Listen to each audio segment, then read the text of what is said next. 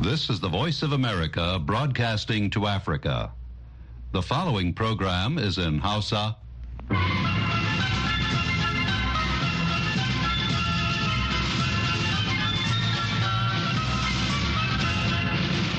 Sashen Hausa na murya Amurka ke magana daga nan birnin Washington DC. Masu sauraro Assalamu alaikum barkanmu da wannan lokaci. Muhammad Hafiz Baballa ne tare da sauran abokan aiki muke farin cikin gabatar muku da wannan shirin da wannan safiya ta Asabar. Bayan labaran duniya za mu kawo muku shirin a bari ya huce, amma kafin nan sai a gyara zama a saurari labarin duniya.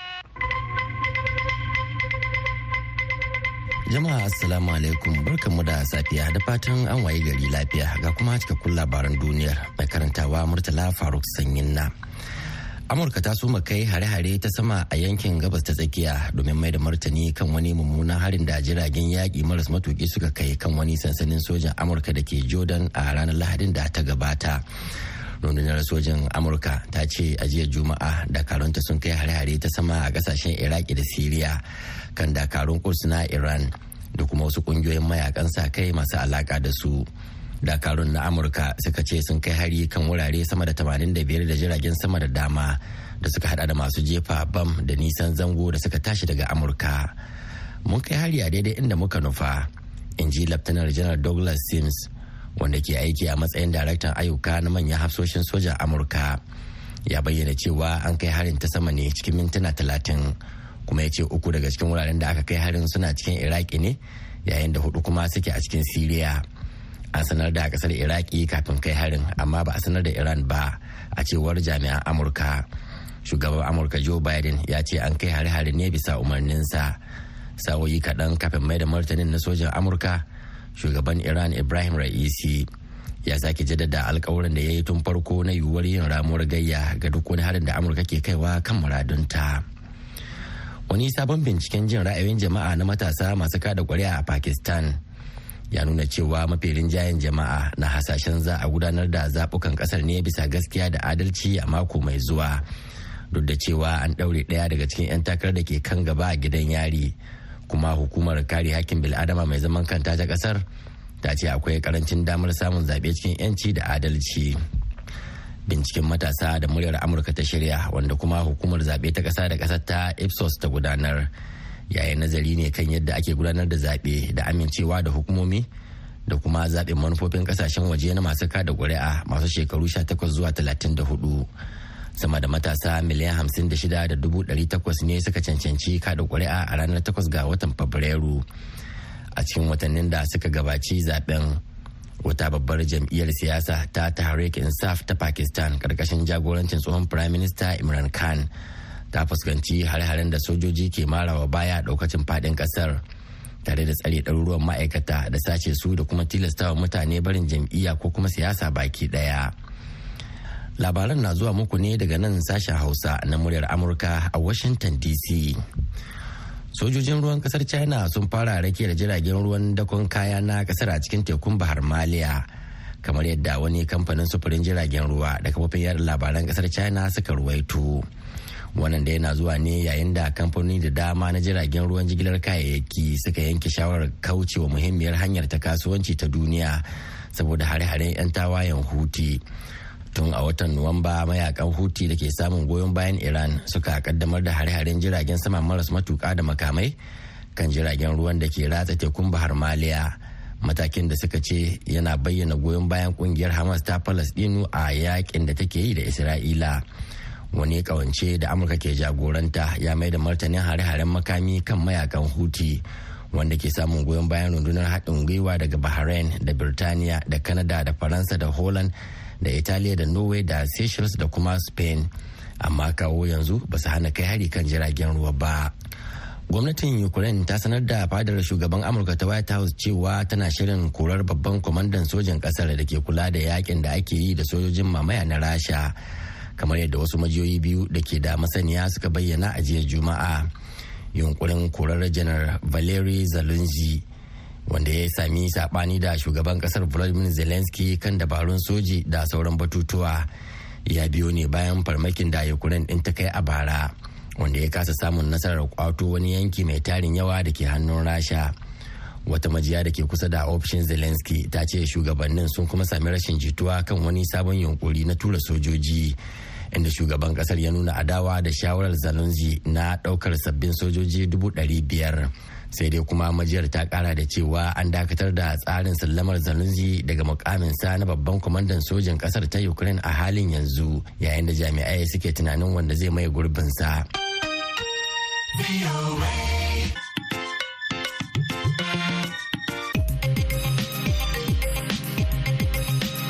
Labaran duniya aka saurara daga nan sashen Hausa na muryar Amurka a birnin Washington DC. Yanzu kuma sai a gyara zama domin jin shirinmu na gaba.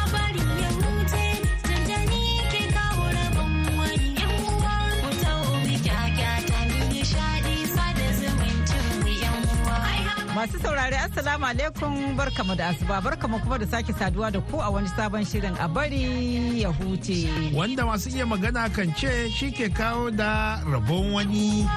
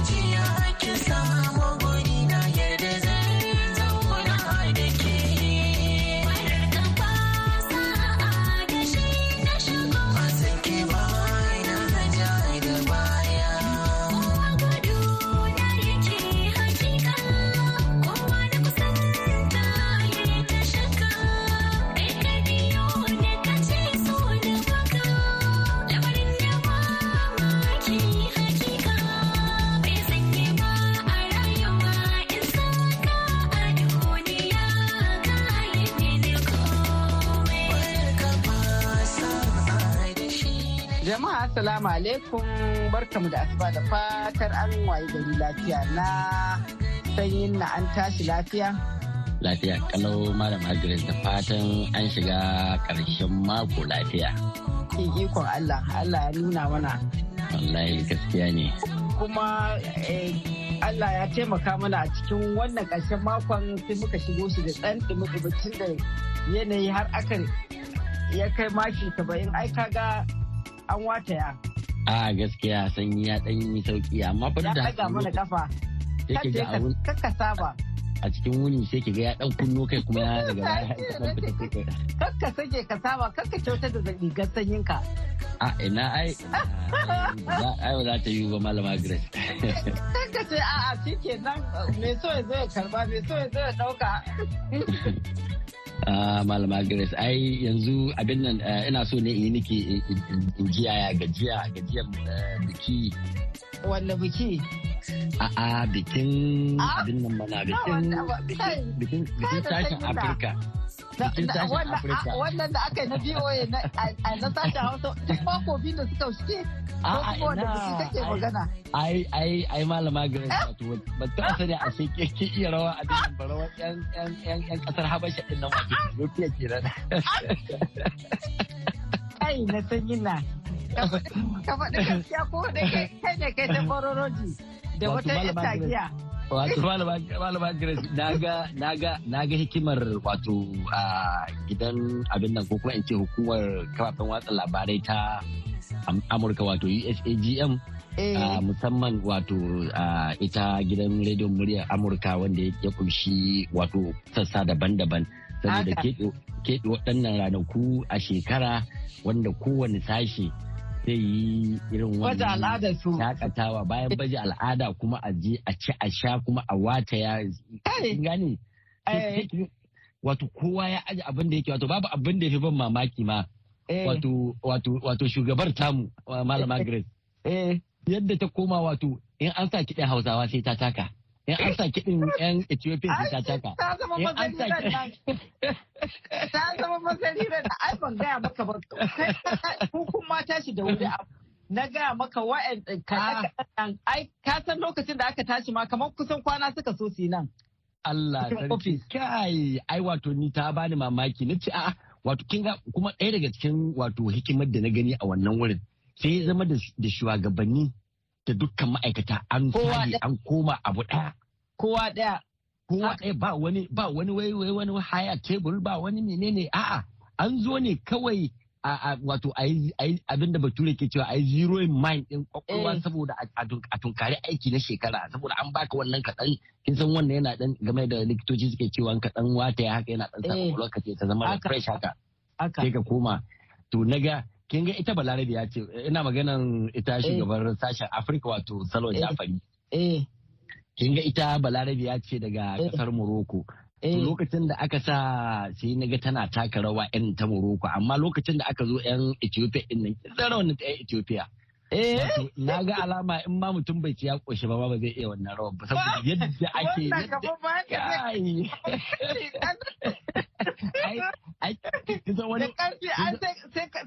sai ka ci ka koshi tukun kai wannan rawan.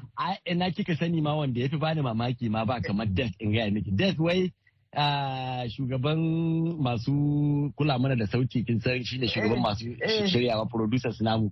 Eh. To sai na ga Des in ya miki kanka ce kobo Des ya rikide gaba ɗaya koma yana ta wannan zazzaga jiki ki na ce a ashe kai lalura da duk yadda ka ga mutum da ka ƙyale shi baka san abin da ke nan ba sai wata dama ta samu. ai kowa ranar kowa ya fito ka kala shi Ka da sifar A to to ƙarin ƙarin mamaki malama Grace. Eh. Wato ke da ke shiga filin nan musamman lokacin da 'yan Ethiopia nan na rani ci. Amma. Sai na ga yadda Bahaushe ya zuke 'yan Ethiopia.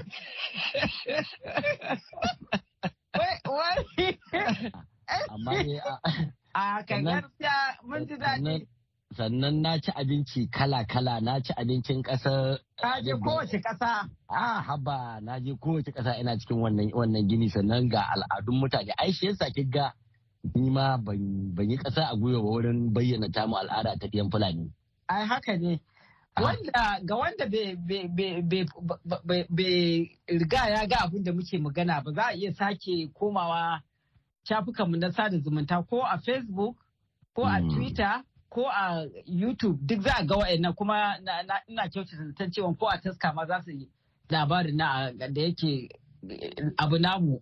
Kwarai ku ba gani a faɗe mu ba? Eh. Irin rumfar sashen Hausa ita ma ta eh. burge ni malama Grace irin yadda aka ɗora eh, wasu kalangai da wasu abin nan korai kwaryaye da wani shantu da kuma tutocin Najeriya, Kamaru, Nijar.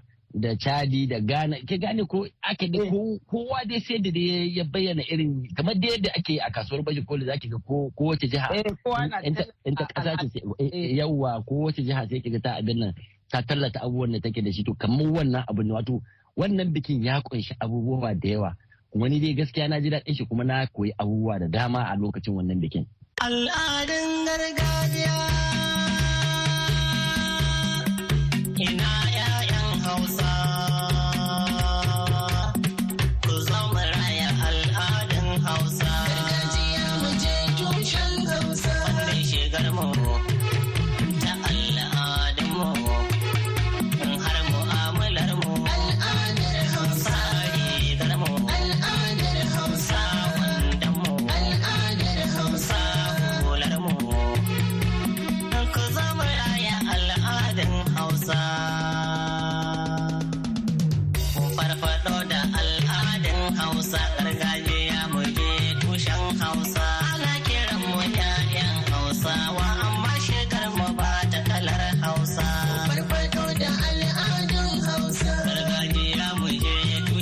saba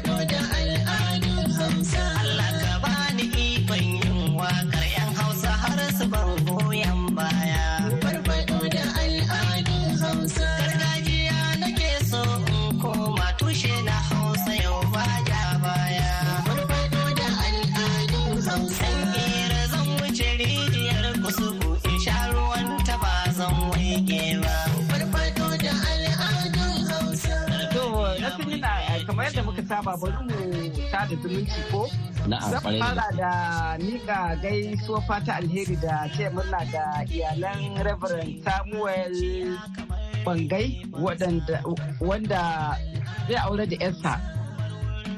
Kafin nan za a yi bikin sallamata a yau ɗin nan Asabar. da wadda ta kasance ranar zaɓe yana ƙara tuni ya ce ya ce election day haka yake a hmm. zaɓe a jihohi 26 ba inda ake zaɓen cikin gurbi za a ce ko eh. to za a yi bikin sallaman latan ne a jami'ar kotun lcc danwai da ke kan hanyar mantok gana wuri da ƙarfe ɗaya na rana. To Allah ya ba da kifar zuwa Allah ya sa an yi a dace. Allah kuma ya ba da zaman lafiya da albarkar zaman tare. bari kuma mu ka gaisuwa fata alheri da taya murna ga Hafsatu Burema da angonta Mustapha Salihu mai lakabi da tafa wanda za a daura wa aure gobe Lahadi. Su kuma za a yi auren ne a unguwar Abofo da ke Akara gara da ƙarfe tara na safe. Baba yana can zai gani kai tsaye kenan. Kai gaskiya ka eh to muna taya iyayen amarya anti saude a fatiman zango da hajiya a cibi npp sai tani matarsa zango akra da lam garin wasam.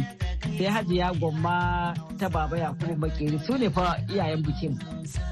Biki ashe ashe abu namu abu namu ne ai gwamma ana can an baje ana ta karɓar baki ana ta dafa da sai gwamma da da huwa su hajiya gwamma ashe za a wata ya ana ana ana ma magana da mada unguwar agoshi hajiya mada a unguwar agoshi da hajiya balaraba a shiman sai hajiya azumi a shiman da hajiya mai tuwo a shiman sai ita ya amarya ita ma muna miƙa mata gaisuwa fata alheri wato malama zainab unguwar abafo.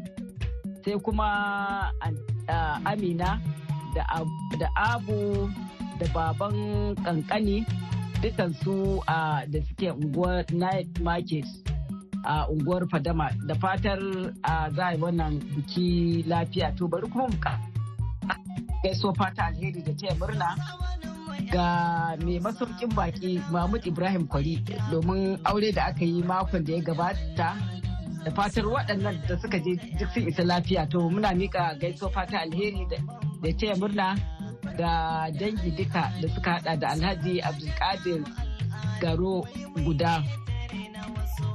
Wanda yake cikin ma'abotan sashen hausa na murya amurka da kuma ke ban gajiya ga dimbin mutanen da suka halarci daurin auren yarsa na wato fatima abdulkadir garo da angonta injiniya ibrahim tahiru dawaki da aka daura a jiya juma'a a masallacin juma'a na alfurkan to Allah ya sa an yi a dace Allah ya ba da zaman lafiya da albarkar tare na sanyin to amin amin sun ma'anin malama Grace to bari kuma mu taya murna ga Alhaji Kabiru na Bargu wanda aka fi sani da Dr. na Bargu shugaban masu ba da maganin gargajiya kenan na Najeriya. a bisa ga auren ɗansa da za a yi wato musaddiq kabir da kuma amaryarsa hajiya hajara ibrahim za a yi ɗaurin auren ne a ranar juma'a mai zuwa ɗin nan kenan wato tara ga watan fabrairun shekara ta 2024 a unguwar ɗorayi gidan da kali gidan da kali da ke kano a jihar kano kenan. Da fatan allah ya ba da zaman lafiya kuma allah ya albarkaci wannan aure ya ba da zuri'a ɗaya ba saliha. Amin sun ma'aminto kuma malama Grace kuma kin sani kin sani wato kin sani sai na ga kwanan wata ma nake tunawa wannan ya zo daidai da ranar haihuwa ta tara ga watan a Allah sarki. Ba a ce happy birthday. Ta gaskiya na bature kafin ranar a gaskiya dan ɗaya ya yi duwa da aka yi don ɗaya yake gare mu wanga kam ai tun da dai a to a sai ya zaɓi ya karrama ka.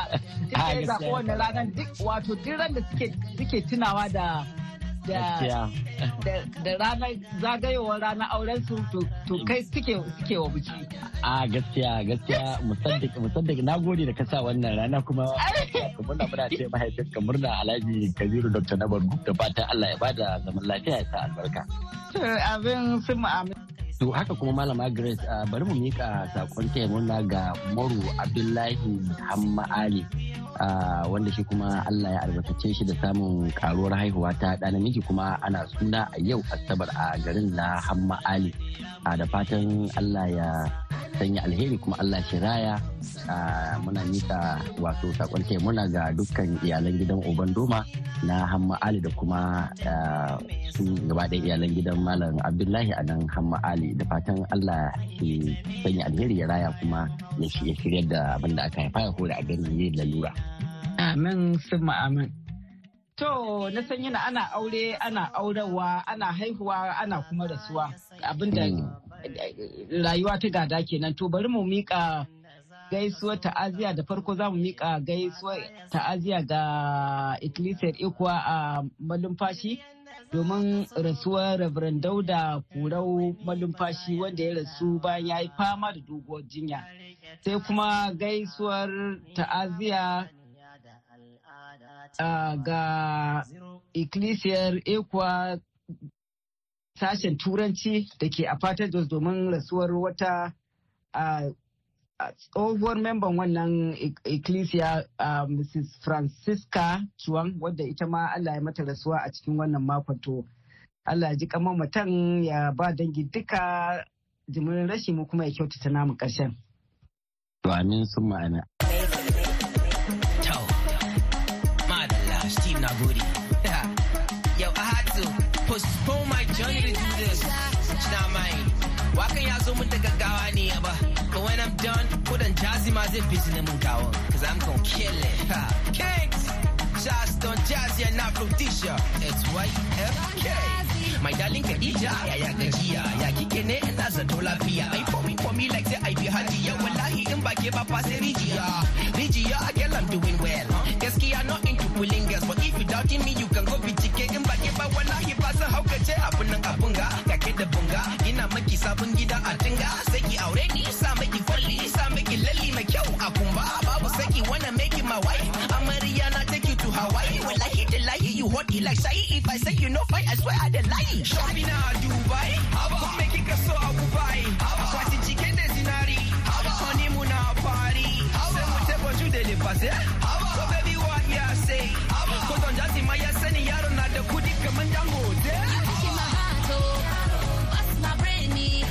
Malama Grace na san yau ba za ki rasa yau masu sauraron mu wani guzurin wani labari ba don haka ya kamata mu ji wannan labarin. To madalla tun da ka bani ka bani gari. Na baki gari yau. to na san yana yau labarin da zan baka labari ne na wani dan garin ku. A'a kuma dai. Labari ne na wani na wani dan garin ku. Amma dai bagobiri ne, bagobiri dai ne, na dai sani. Ina san bagobiri ne. Ai kai ba ka sani, ka san ko wani ne. Bagobiri ne. Mu tafi, mu je. Wani limami ne ba fulashi ne na sanyin na. Kai. Akwai kuma wani yaro a unguwar da Allah ya musu bai wato shi wannan yaron wai duk lokacin da aka mutu ko Na'am. aka je makabarta jana'iza. Sai ya ga wai sai ya ga lokacin da aka aka kafin a rufe gawa bayan an sa gawa a cikin rami kafin a rufe wai sai ga wani wata jahula na sanyi na ta taso daga gawan nan ta hau kan wani a cikin mutanen da suke suke suke jana'iza. to da iko Allah kuma wanda da hular na ta hau kan shi shi zai tafi. shi zai tafi. Ya. Lura haka ya lura haka ya ta lura haka. Sai wannan abu ya tada mishi hankali sai ya gaya min liman. Liman ya watsi da magana ya ce zancen banza.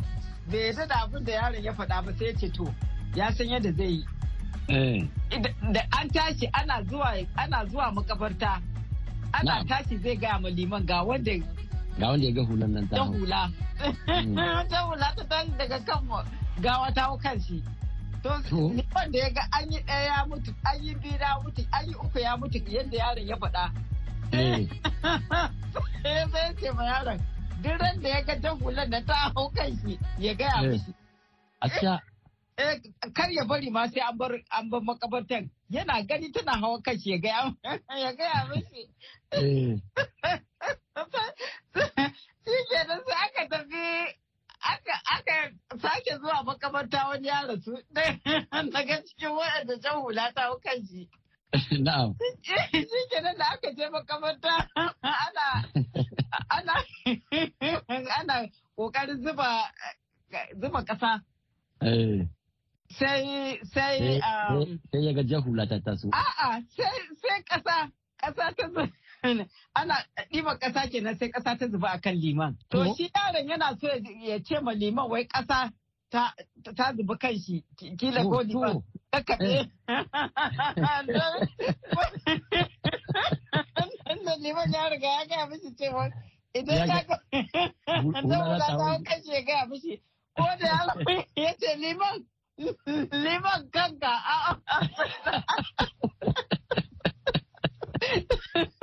liman ta yake. ya zata hular ce ba bai san ƙasar su ne liman ta yake.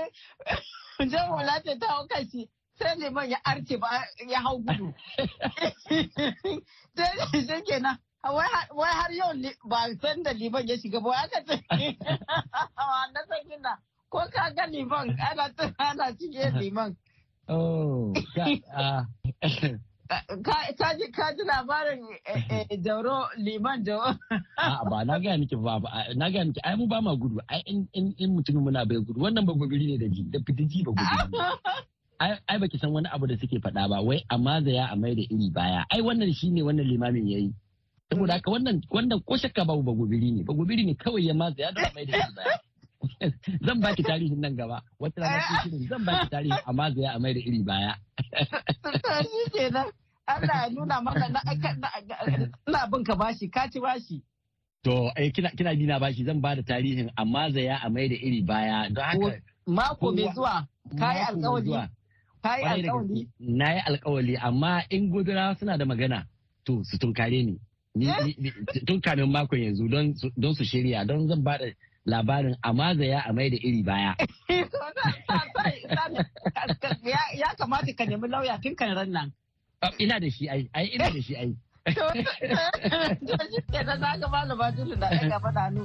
Sabili da aka tilas mu ja burki da yanzu a madadin.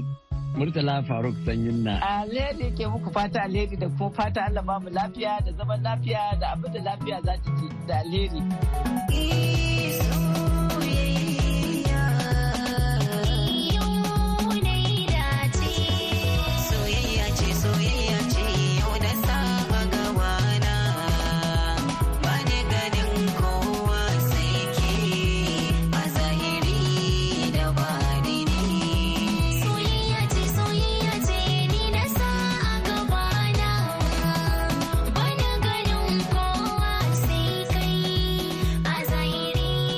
Wannan shirin na zuwar muku ne kai tsaye daga nan sashen Hausa na murya Amurka a birnin Washington DC. Yanzu a madadin waɗanda suka ba da gudunmawa ga nasarar wannan shirin da suka hada da Julie Leathers Gresham da ta daidaita mana sauti da ba da umarni. Ni Muhammad Hafiz Baballe ke cewa ku ni lafiya.